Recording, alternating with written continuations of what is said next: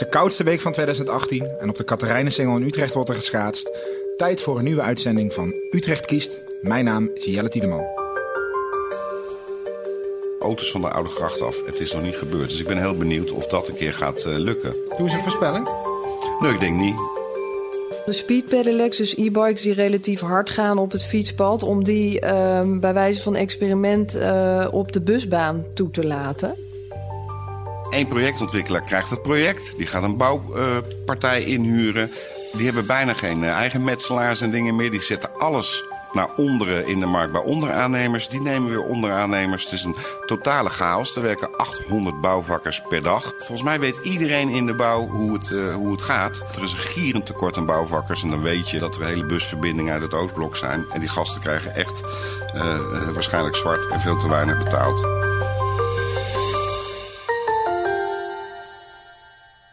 Ja, de zevende uitzending alweer van de politieke podcast Utrecht kiest van het AD Utrechtse Nieuwsblad.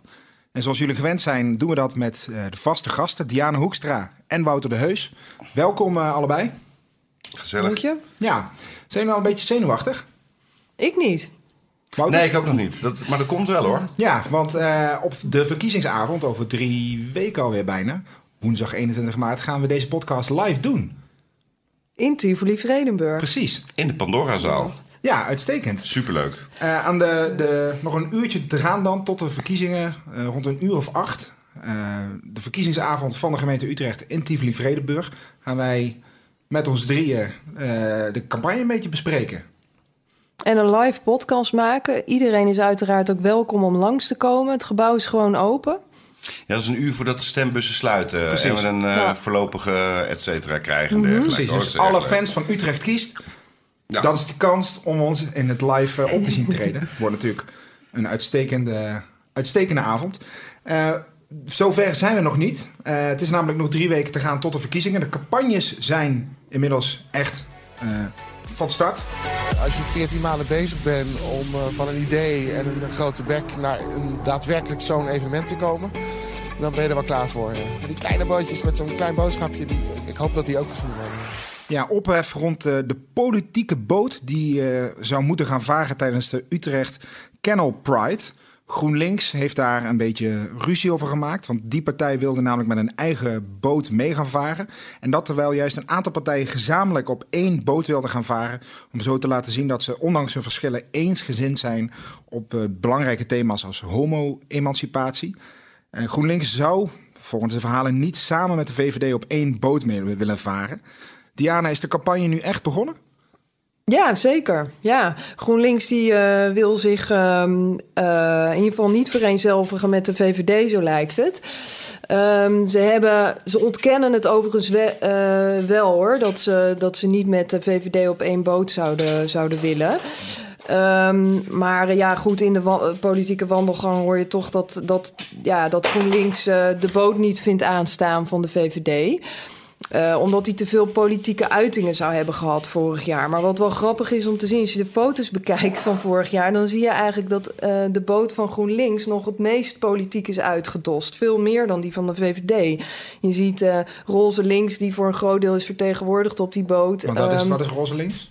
Ja, dat zijn de homo- en lesbienne, lesbiennes de van de... LHBTI-groep van ja, GroenLinks. Ja, precies, Wouter. En uh, ja, dus je ziet dat ze echt met grote GroenLinks-vlaggen aan het wapperen zijn en zo. Terwijl de VVD alleen een VVD-vlag op de achterkant heeft... en een paar ballonnetjes en zo. Dus ik, ja, het verwijt dat het te een te politieke boot was... dat vind ik wel een beetje gek, omdat, dat, omdat ze dat zelf ook eigenlijk wel heel erg sterk hadden. Volgens mij en, is GroenLinks de partij die, die het meest altijd in, uh, in de hoek van de LHBTI uh, opereert en dat ook heel ja. politiek altijd maakt. Ja.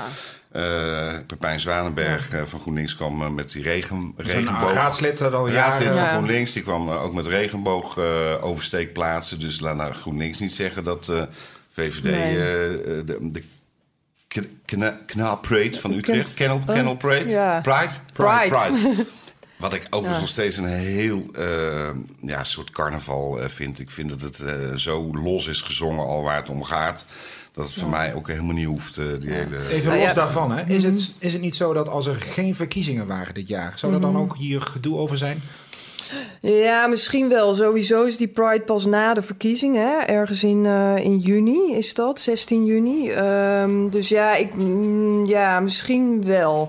Het is zo dat, dat het nu ook... Hè, vorig jaar uh, voeren de politieke partijen nog op een eigen boot mee. Maar omdat het nu best wel druk wordt... Er zijn heel veel aanvragen gekomen... Hebben ze ook, heeft de organisatie bedacht van... nou we moeten die boot een beetje beperken. En we willen eigenlijk ook, of we zouden het heel mooi vinden als de politiek een gezamenlijk statement maakt. Uh, en ook de politieke partijen zelf vonden dat wel een goed idee. Dus uh, D66 en VVD hebben het voortouw daarin genomen en gedacht van nou, wat zou het eigenlijk mooi zijn als we ons daarin uh, ja, alsof we de, de, verschillen even opzij zetten en dat gezamenlijk uitdragen. Dat we dat belangrijk compromis, vinden. Compromis uh, trouwens. Dan hangen we een heel klein groen uh, rubberbootje daarachter van twee GroenLinksers. maar ze moeten niet zeuren, ze moeten gewoon in die gezamenlijke boot stappen en anders gaan kappen ja. ermee. En dan is er ook nog gedoe over de verkiezingsborden. Want niet iedere politieke partij houdt zich aan de afgesproken formaten van de posters op die borden. Wouter, heeft dat eigenlijk nog wel zin, zo'n verkiezingsposter op zo'n bord? Ik vind het Is dat nog van deze tijd? Nee, ik vind het uh, middeleeuws, uh, middeleeuws uh, campagne voeren, maar die politieke partijen vinden het zelf geweldig. Want ze posten dat hele Instagram, Facebook, Twitter vol met nachtelijke plakavonturen. Dat vinden ze geweldig interessant. Ik denk, hou alsjeblieft op met die foto's. Maar ze zijn daardoor op 74 uh, nieuwe borden trouwens, die we huren als gemeente voor 75.000 euro. Klein voor, geld. Voor een maandje. Ja, dat is even gewoon... Uh, die oude, dat waren ook afgekloven dingen. Maar nu huren we ze commercieel in. Mooie betonnen, betonnen ondergrond. Vallen ze niet om. 75.000 euro voor een paar posters. Maar die politieke partijen die niet zoveel budget hebben... vooral de kleine partijen... zijn daardoor toch op 74 plekken in de stad zichtbaar... En dat willen ze niet missen. Dus uh, ook al kost het 2 ton per jaar... is toch allemaal gemeenschapsgeld, interesseert zich geen fluit plakken met die Maar de ene op. partij zegt dus, uh, moet op een bepaald formaat, A3 zeg ik even uit mijn hoofd. Maar andere partijen zeggen, nou, daar heb ik dus niks mee te maken, ja, veel dit, groter. Er zijn ook niet hele strenge regels voor. Geadviseerd wordt A3, maar je mag groter doen. En nou ja, onder meer Kees Bos van de lokale partij Stadsbelang Utrecht, die plakt dus op een veel groter formaat. Ja, A0. Dat is wel grappig. Ja, die denkt, ik, die denkt zoek het lekker uit, ik Ja, plak gewoon ik- Er zijn A0. andere partijen Ja. weer boos over. Ja, Ja, ja. D66 heeft trouwens ook een groot formaat. Die zit ook op A0, Ja, dat dacht ik. ook Maar eh, enorme dingen. ja, Kijk, die partij die met die... En CDA heeft ook een grotere dan A3. Weet je, A3 is Ja. ook heel klein. Dus iedereen denkt, hartstikke leuk met je A3. Eh, ze plakken ook over elkaar heen, her en der. Plakoorlog. Plakoorlog. eh, en dat vinden die partijen geweldig. Want hoe meer eh shebang erover is, dan komt dat in de media. Dan geeft dat weer... Het is allemaal aandachttrekkerij. Het is eh, elk jaar, eh, of eigenlijk tijdens elke verkiezingen weer hetzelfde verhaal. Ja, vroeger Ja. eh, hing GroenLinks gewoon een hele enorme fiets s'nachts eh, boven Ja. op die borden. Met een heel groot GroenLinks. Nou, dat werd ook een enorme rel. Die moesten er allemaal af.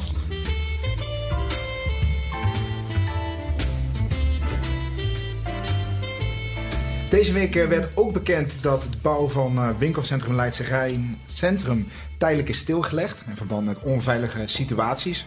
Ook sprake van mogelijke onderbetaling. Maar de Utrechtse politiek, zegt althans eh, wethouder Paulus Jansen, eh, niets over in de melk te brokkelen. Wouter, jij hebt daar, eh, nou, woedend is misschien wel een understatement, een woedende column over geschreven. Ja, nou, redelijk woedend in de zin van werknemers uitbuiten. Hè? en dat zijn dan vooral. Je moet je voorstellen, één projectontwikkelaar krijgt dat project. Die gaat een bouwpartij inhuren. Die hebben bijna geen eh, eigen metselaars en dingen meer. Die zetten alles naar onderen in de markt bij onderaannemers. Die nemen weer onderaannemers. Het is een totale chaos. Er werken 800 bouwvakkers per dag. Eh, ik denk dat de helft uit het voormalige Oostblok eh, komt. En dan moet je als projectontwikkelaar en straks eigenaar van het winkelcentrum ASR niet raar opkijken dat het daar een chaos eh, is. En dan komen ze met een eh, statement van. Oh, dat, eh, dat wisten we niet. We moeten er goed naar kijken. Ja, want begin februari is daar een bouwvakker meters naar beneden gevallen toen een rolstijger in elkaar klapte. Ja, maar de inspectie is ook gewoon niet goed meer eh, geregeld. Vroeger had je allemaal gemeentelijke bouwinspecteuren er rondlopen. En dan gebeurde dan, dan werd- eh, op- een daily basis werd daar gewoon bij ge- gestuurd. Ja, want de gemeente Utrecht zegt wij gaan niet over wat er binnen Nee. het bouwterrein Nee. Nee. afspeelt. Dat ligt bij de inspectie Ja, van dat- Sociale Ja, Zaken. maar het is wel de een beetje- gaat over wat ja. daarbuiten Dat afspeelt. vind ik een hele slappe hap Ja. opmerking van Paulus Jansen.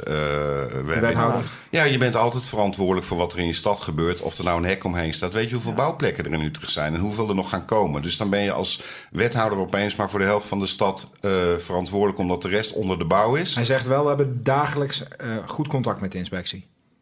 Ja, dat zal wel. Nou. Dus ja, je mag misschien wel verwachten van een wethouder dat hij daar ja, iets harder voor gaat lopen om te zorgen dat het goed geregeld wordt. Die opmerking is veel te makkelijk van hem. Uh, en, en nogmaals, we hebben heel veel bouwputten in, uh, in Utrecht. Dat gaat maar door. Er gebeuren regelmatig zware ongelukken, niet alleen hier. Va verbaast me ook dat de inspectie het nu, nu pas uh, een aantal delen van die bouw daar heeft stilgelegd. Want dat gaat dan altijd naar aanleiding van een ongeval. Dan denk ik, ik, ik rijd er wel eens langs en dan zie ik bouwvakkers daar op balkonnetjes staan zonder. Hè, die moeten met hout afgeschermd zijn. Nou, dat is he helemaal niks. Dus komen ze daar een week eerder zonder dat er iemand van een steiger is gevallen, dan vinden ze ook van alles. Dus ik denk, goed, hè, het zijn misschien eerste wereldproblemen, want het is lang niet zo erg als in, in andere landen. Maar ik vond het makkelijk en vooral het financiële deel ASR hebben we met z'n allen gered. Is net weer uh, op de beurs. De directie heeft, heeft zichzelf daar tonnen en tonnen extra salaris toebedeeld. En daar werken echt mensen uit Roemenië. Die, die slapen in, in een klein caravannetje. Die kunnen één keer in de twee maanden naar huis. Dan kunnen ze niet betalen om een keer naar huis te rijden. Dus zo liggen de verhoudingen ongeveer. Ja, want er, wordt, er zijn vermoedens dat er sprake is van onderbetaling. Er wordt nog verder onderzoek naar gedaan. Allerlei urenbriefjes en salarisstrookjes worden opgevraagd. Nou, dat kunnen geen vermoedens zijn. Ik uh, kan me ook nauwelijks voorstellen dat ASR dat... Uh, die, volgens mij weet iedereen in de bouw hoe het, uh, hoe het gaat. Maar dan denken ze van, doe net of we niks zien. Dan gaat die bouw lekker door. Want er is een gierend tekort aan bouwvakkers. En dan weet je dat, dat er hele busverbindingen uit het Oostblok zijn. En die gasten krijgen echt waarschijnlijk zwart en veel te weinig betaald. Dus tijd dat wethouder Jansen ook daar gaat optreden? Nou, daar, daar mag zeker naar gekeken worden. En de, de, ASR doet dat ook veel te makkelijk af van... Uh, daar moeten we eens onderzoek naar doen. Die weten echt hoe het zit. Ja, je ziet ook in dit dossier dat uh, met name de Partij van de Arbeid het uh, weer, uh, weer heel erg op Paulus Jansen moet hebben. Onlangs hebben we natuurlijk een rel gehad in Kanaleiland over de verkoop van sociale huurwoningen, waarin zij uh, enorm kritisch waren op, uh, op Paulus Jansen. Nou, dat, doen, dat zijn ze nu weer. Dat waren ze al vorig, eind vorig jaar toen er een uh, ongeval was gebeurd bij de bouw in het stationsgebied. En je ziet nu weer dat ze behoorlijk stevig aan het oppositie aan het voeren zijn. En, en ook vinden dat Paulus Jansen in actie moet komen.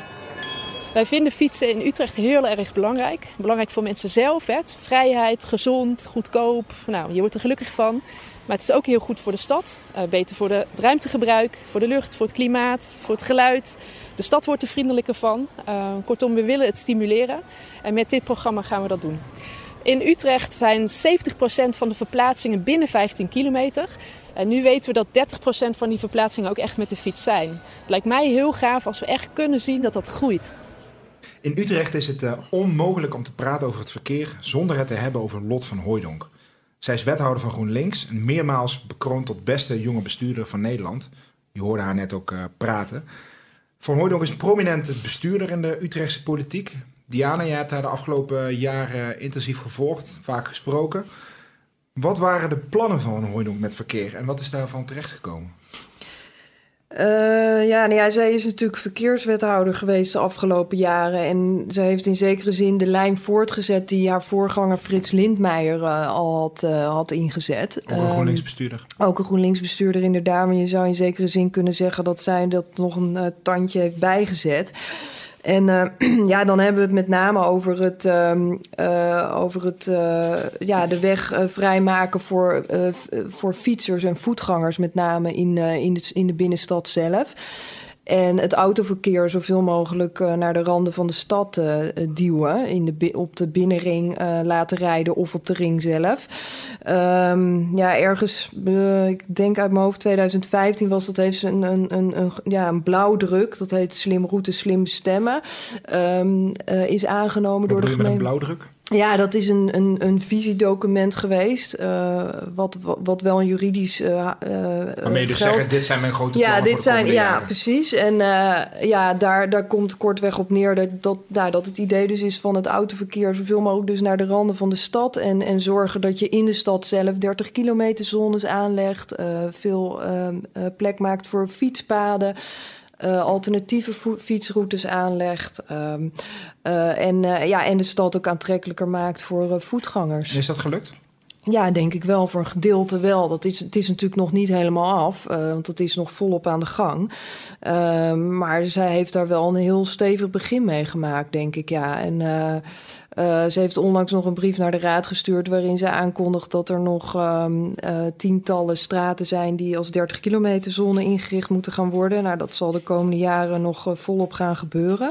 Dus daar zullen Utrechters ook echt wel veel is ze wel van gaan laat merken. mee. Hè? Dus als ik kritiek mag hebben op Lot van Ja. eh, want het Mhm. is nu allemaal anders halleluja. Vooral op eh, verkeersveiligheid vind ik er eh, zwak geopereerd hebben de afgelopen dat vier ben ik jaar. met Wouter eens, ja. Dat loopt ontzettend Ja. achter de muziek aan. Ook hier in dit stad, gigantische stad, de Leidse Rijn, hebben we heel veel verkeersknelpunten. En daar is ze uitermate voorzichtig en traag mee geopereerd. Ik had aan het begin van Kun je daar een voorbeeld bij geven? Ja, van, eh, vooral, we hebben hier een aantal heel grote losliggende fietspaden, fietsroutes. De Rijn-Kennemerlaan, 4 kilometer eh, groot eh, fietspad. Een van de langste straten Ja, van eh, Nederland. eh, ja, is enorm. Dat loopt schuin eh, dwars door de Phoenix heen. Ligt boven de, het, het, eh, de, de waterbuizen die eh, vanaf het Lekkanaal de Kennemerduinen voeren met eh, oppervlaktewater. Wat dan in de duinen gefilterd wordt tot drinkwater voor Amsterdam en omgeving. Eh, hij loopt natuurlijk schuin hier door het gebied. En daar hebben die planologen gewoon woonwijkjes ingetekend. Waardoor je ongelooflijk veel kruisingen hebt met autoverkeer. Die allemaal schuin op die, op die eh, Rijn-Kennemerlaan aankomen tal van ongelukken die daar gebeuren, eh, zware ongelukken. Je hebt geen overzicht. Nou, eh, bewoners hebben daar al jarenlang actie voor gevoerd om dat te verbeteren. Een aantal verkeersambtenaren in Utrecht mag, mag zich daar al jaren mee bezighouden. Die maakt er een potje van. Ik had eigenlijk verwacht dat eh, Lot die ambtenaren, ik ga ook geen namen noemen, van die dossiers zou halen om daar eens lucht in te krijgen. Heeft ze niet gedaan. Dus ik vind dat ze daar uitermate zwak opereert. Ook Maar had, zij, had zij dan moeten, echt moeten ingrijpen om te zeggen... nu is het... nu ja, dat had zij moeten doen. Dat heeft bijvoorbeeld Ingrid de Bond, die is een tijdje verkeerswethouder geweest. Toen eh, de verkeerswethouder eh, van eh, GroenLinks uit het college ging Ja, in waar- waar- 2009. Waar, hebben we het dan over? Ja, Ja, 2009. 2009. En die heeft in één keer. sorry, ik zeg van GroenLinks. Dat was Timon de Wegen van de ChristenUnie die toen wethouder was. Ingrid de Bond heeft toen echt een bezem door die afdeling gehaald. En in een. Ze was nog een jaar wethouder, zijn daar dingen veranderd. Het is ongelooflijk. Had Lotte van Hoordok ook kunnen doen. Heeft ze nagelaten. Dus eh, visie, prima. Eh, ze stuurde heel erg op die grote landelijke thema's, vind ik vooral. En nu komt ze dan aan het eind van de periode met 30 kilometer eh, zones en veiligheid in 30 kilometer gebieden. Dat vind ik echt, eh dat had ze veel eerder moeten doen. Ja, dat Ja, is ook Gaat zij ja. verder? Wil zij verder eigenlijk? Ja, ja, ja. Nou, ze wil ja, ze heeft het nog niet echt hardop uh, Nee, ik heb het nou maar bekend, maar ja, ze wil wel graag Ze door. Ja, ja.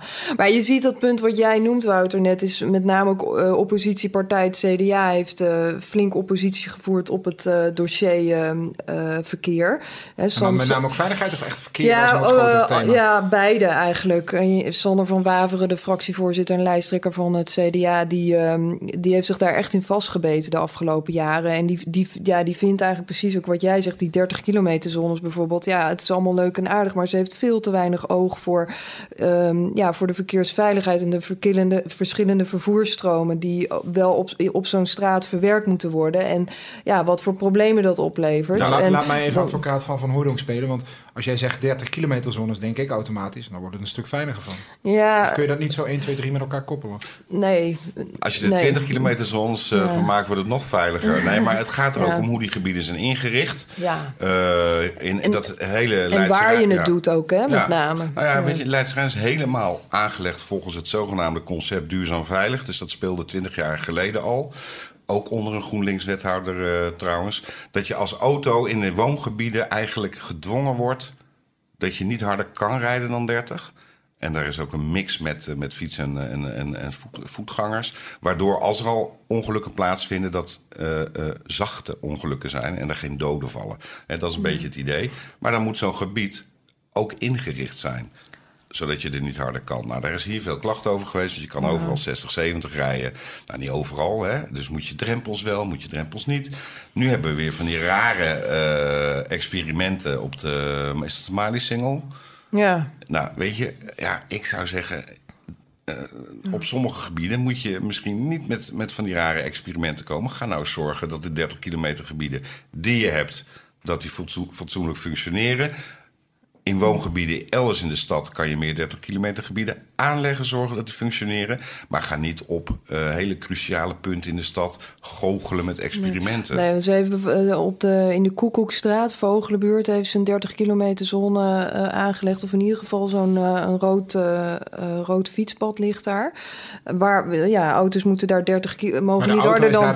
Die is daar te gas, inderdaad. Maar je ziet dus wel, want er lagen klinkers. Dus je ziet nu wel dat dat is ook een zorg van sommige partijen in de raad. Dat auto's daar dus nu op dat gladde asfalt eigenlijk gewoon veel harder rijden.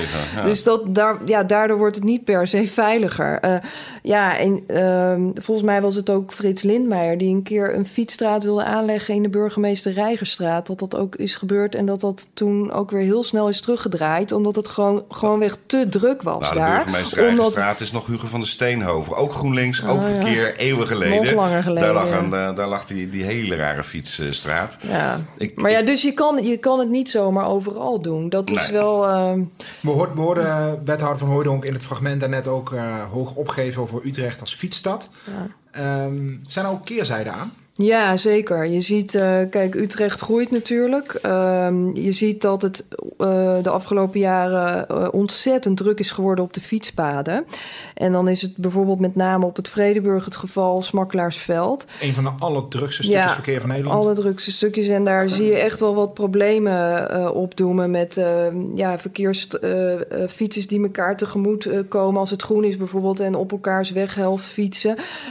verschillen in omdat er bijvoorbeeld uh, ook uh, speed pedelecs, van die e-bikes op het fietspad fietsen. Um, of, of snorfietsen. En dat, of, of grote bakfietsen. Nou, dat kan best wel tot wat problemen leiden, met name in de spits. En je ziet wel dat, dat Utrecht daar een beetje mee aan het worstelen is. Van ja, GroenLinks ziet ook wel van ja, daar moeten we iets mee. Nou ja, maar hoe? Alles, bijvoorbeeld dat... snorfietsen, ik moet het anders zeggen, die bromfietsen moeten al op de weg rijden. Ja, brommer. ja op sommige delen, ja. Ja, en op heel veel delen. En die brommertjes die mogen volgens mij... Uh, vroeger mocht je 40 uh, eh, buiten de bebouwde kom en 30 er binnen. Met die dingen mag je nu al iets harder. Maar heel veel wegprofielen worden inmiddels aangelegd... als enkelvoudige straten met stoepen erlangs. Daar, daar kan een auto niet meer inhalen ook. En dan zit het opeens met al die brommertjes en auto's. Automobilisten, die mogen daar 50 moeten zachter gaan rijden voor die ja. brommers. Geeft echt gezeur. En ze gaan er nu ook uh, om snorfietsen. Dus dat zijn brommertjes zonder helm. even om die uit elkaar te halen. Willen ze nu ook op de autoweg. Hè? Ja, dat, dat wil GroenLinks ja, inderdaad. Daar is de VVD dan weer fel op nou tegen, bijvoorbeeld. Uh, ik, ik vind dat zelf levensgevaarlijk. Dus uh, dan, dan, die, die, uh, die moeten nog zachter. Die dingen die mogen niet harder dan 34. Want ze mogen maar 30, maar als je 34 rijdt, ben je al een overtreding. Uh, dan moet, wordt dat ding al ingenomen. Ja, als je die nog eens een keer op autowegen waar je 50 mag, waar het profiel smal is, ja, dan mhm. is het vraag om ongelukken. Ja, je ziet dus wel dat de politiek daarmee worstelt. Goed voorbeeld is misschien uh, GroenLinks, die had in haar uh, conceptverkiezingsprogramma het idee geopperd om de speed pedelecs, dus e-bikes die relatief hard gaan op het fietspad, om die um, bij wijze van experiment uh, op de busbaan toe te laten. Uh, bijvoorbeeld de busbaan richting, uh, richting de Uithof. Maar daar kwam binnen de. redelijk snel Ja, dat, er kwam ontzettend veel kritiek op. Dus dat is tijdens een ledenvergadering is dat er weer uitgehaald. Nou, die speed pedelecs die gaan dus niet meer op de busbaan. Dat is een voordeel. Ik zou het leuk vinden als de politiek in plaats van allemaal bevlogen ideeën vooral kijkt, is, het is de verkeersveiligheid niet in het geding. Ook met die snorfietsen op de rijbaan kan dat wel. Maar op 7 maart zullen we, dat, uh, zullen we dat pas echt weten wie er het beste met de fietsen omgaat in Utrecht. Want dan reikt de Fietsersbond in Café Willem Slok uh, een prijs uit voor het beste uh, verkiezingsprogramma in Utrecht waar het de fiets betreft.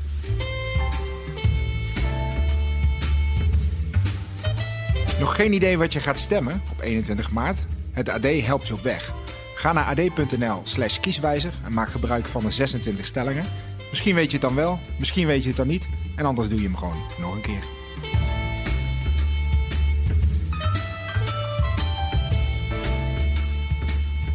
Wouter, jij bent een uh, vervent uh, bestuurder van de auto. Zeker.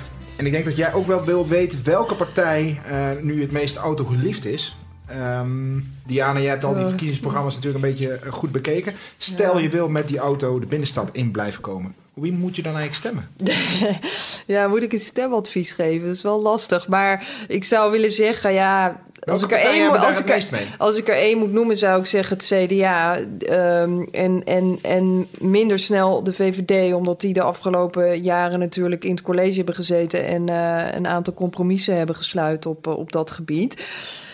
Ja, dus ja, het CDA die zegt bijvoorbeeld van. Um, uh, ja, hè, die is op zich eh, geen tegenstander ook van 30 kilometer zones en, uh, en de binnenstad uh, iets meer, ook iets meer ruimte maken voor fietsers en voet, voetgangers. Maar de partij zegt bijvoorbeeld wel ja, als je dan de, auto naar de randen van de stad toe brengt en je wilt wel dat er ja, bepaalde auto's bijvoorbeeld nog normaal naar hoge treinen kunnen komen, zorg dan dat je in ieder geval één invalsweg, bijvoorbeeld die bij de Graat van Roggeweg, dat je die heel goed maakt. Mm -hmm. Zodat uh, automobilisten dan ook echt uh, um, uh, ja, zeg maar die invalsweg kiezen om de stad binnen te komen. En, en dat om, alle andere wegen ja, vrijwaard blijven. Precies, van... ja. Want ja, anders dan loop je het risico dat, ja, dat mensen hun eigen weggetjes gaan kiezen. En dat het dan dus ja, chaotisch kan gaan worden. Um, dus ja, in, in die zin denk ik, ja, hebben zij qua verkeer hebben ze wel een,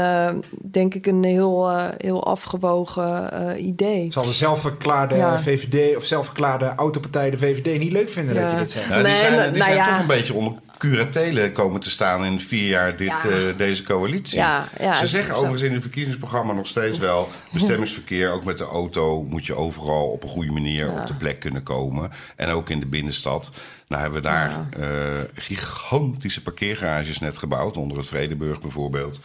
Uh, nu bij de jaarbeurs weer He, dus je kan op zich met de auto uh, redelijk in de binnenstad parkeren uh, weer. Mm -hmm. Maar wat ik interessant even vind over dat parkeren... PvdA over spreekt daar... Vroeger was het behoorlijk voor de auto. Dat wordt nu echt wel wat minder. Al uh, hebben ze redelijk met mail in de mond om niet te gaan roepen... je moet overal kunnen parkeren. want ja, dat willen ze niet echt meer, maar eigenlijk ook wel een beetje wel. Maar we praten in Utrecht al twintig jaar over minder parkeerplekken in de openbare ruimte. De oude gracht zou autovrij moeten, moeten worden, dit en dat. Het gebeurt gewoon niet. En dan ga ik jou vragen, waarom niet? Ja, dat levert zo verschrikkelijk veel geld op aan parkeren. Dat kost tegenwoordig bijna 6 euro voor een uurtje parkeren. Ik ben heel benieuwd. Dat is de discussie altijd geweest. Als ze parkeerplaatsen op straat op, opheffen, schiet dat een behoorlijk gat in de, in de begroting uh, bij die afdeling uh, verkeer. Dus echt nogmaals, we praten daar al twintig jaar over auto's van de Oude Gracht af. Het is nog niet gebeurd. Dus ik ben heel benieuwd of dat een ja. keer gaat uh, lukken. Ja, dat zal... Doe Kijk, de... Nee, ik denk niet. Ik denk ook de, af, de komende vier jaar niet. Het blijft gewoon uh, lang leuteren. En als iedereen ziet wat de financiële consequenties is, uh, daarvan zijn, schrikken ze zich het apenzuur en dan doen ze het niet. Ik denk dat er wel bij nieuwbouwplannen, eh, als je bijvoorbeeld hebt over de Merwede kanaalzone, dat die parkeernorm echt wel omlaag gaat. Want je ziet natuurlijk wel, er komen steeds meer mensen naar de stad. De afgelopen jaar is het autogebruik ook nog steeds toegenomen. Uh, hoewel GroenLinks ervan uitgaat dat het, dat het gebruik met deelauto's en zo ook zal toenemen. Maar, maar je weet, je... niet helemaal, het is natuurlijk wel zo. Um, dat zal allemaal toenemen. Uh, ja. uh, want dus je... je... ziet het in, in alle binnensteden van, uh, van grote steden, ook in het buitenland. Op een gegeven moment, als jij aan de Keizersgracht woont in Amsterdam, dan is de kans dat jij een auto hebt, is, wordt, steeds, hè, wordt steeds kleiner. Je kan hem gewoon ja. niet meer kwijt. Maar ik bedoel te zeggen dat als je in de binnenstad woont, in die echte binnenstad, dan is het gebruik van ja, een auto je... en hem voor de deur parkeren is helemaal niet vanzelfsprekend. Nee, dus je hebt daar nee. hele andere doelgroepen en dat verandert ook razendsnel. Hè, wat voor mensen er in bepaalde buurten wonen. Dat gaat sneller dan uh, men denkt. Dus volgens mij is iedereen het wel over eens dat je niet continue groei uh, uh, op, die, op die binnensteden, dat dat, niet, dat dat niet meer werkt. Alleen sturen op parkeerplaatsen, dat hebben we ook bijvoorbeeld, nou, een voorbeeld Leidse Rijn geprobeerd, werkt niet. Dus je kan. Wat is sturen op een parkeerplaats? Nou ja, dan, dan we zeggen we gaan de norm uh, gaan we verlagen. Dat wil nog niet zeggen dat iemand geen auto heeft. Wat het meestal oplevert, is dat uh, automobilisten parkeren op plekken waar het niet mag. Ja. Bijvoorbeeld, je ziet het in Papendorp, een uh, grote nieuw bedrijventerrein, veel te weinig parkeerplekken. De park and ride uh, in Papendorp, rijk elke dag lang, staat helemaal vol. Maar ik zie bijna nooit een busje heen en weer pendelen naar de stad. In mijn, ik moet er nog een keer gaan uitzoeken, staan al die auto's er als een veredelde parkeerplaats voor die kantoren, omdat daar te weinig parkeerplekken zijn. Dus ehm, sturen op parkeerplaats werkt vaak niet als je geen goede alternatieven aanbiedt. En het openbaar vervoer, waar bijna alle partijen eh, op tamboureren, goede openbaar vervoer. Het aantal vervoerskilometers van mensen in het openbaar vervoer is al twee decennia aan het dalen in, eh, in Utrecht. Ja, Wouter, jij hebt het over het openbaar vervoer. Er zijn partijen die nog best grote plannen hebben met het openbaar vervoer in de binnenstad. Diana, wat, wat, waar moet ik dan aan denken? Nou ja, bijvoorbeeld D66, de grootste partij nu in de raad, die, eh, die pleit voor een tweede OV-knooppunt in Utrecht. Dus een tweede station. Eh, bijvoorbeeld op het Utrecht Science Park in We de hebben Uithof. natuurlijk al een aantal treinstations, maar je bedoelt dan echt een ander groot station. Ja, om eh, Utrecht Centraal te ontlasten, zodat niet alle reizigers via Utrecht Centraal moeten gaan. Maar ja, goed, als je dat wil, dan, ehm, ja, dan moet je dat goed uitzoeken en zo. Dus er worden ook allerlei onderzoeken gedaan en dat wachten zij natuurlijk ook even af. Eh, eh, ja, om te kijken in hoeverre dat mogelijk is en wat ze dat weer oplevert. 100 miljoen te veel uitgeven aan sporenstaven of zo? Je doelt op de Uithoflijn? Ja, nee, is, ik denk openbaar vervoer en Uithof dan denk ik even wachten met al die ellende. Laten we eerst die, die trambaan eens goed aanleggen. Ja. Nou ja, er wordt overigens ook wel, eh, eh, ook door D66 en ook wel door GroenLinks bijvoorbeeld gedacht aan eventuele uitbreiding van het tramnetwerk. Misschien wel door de binnenstad.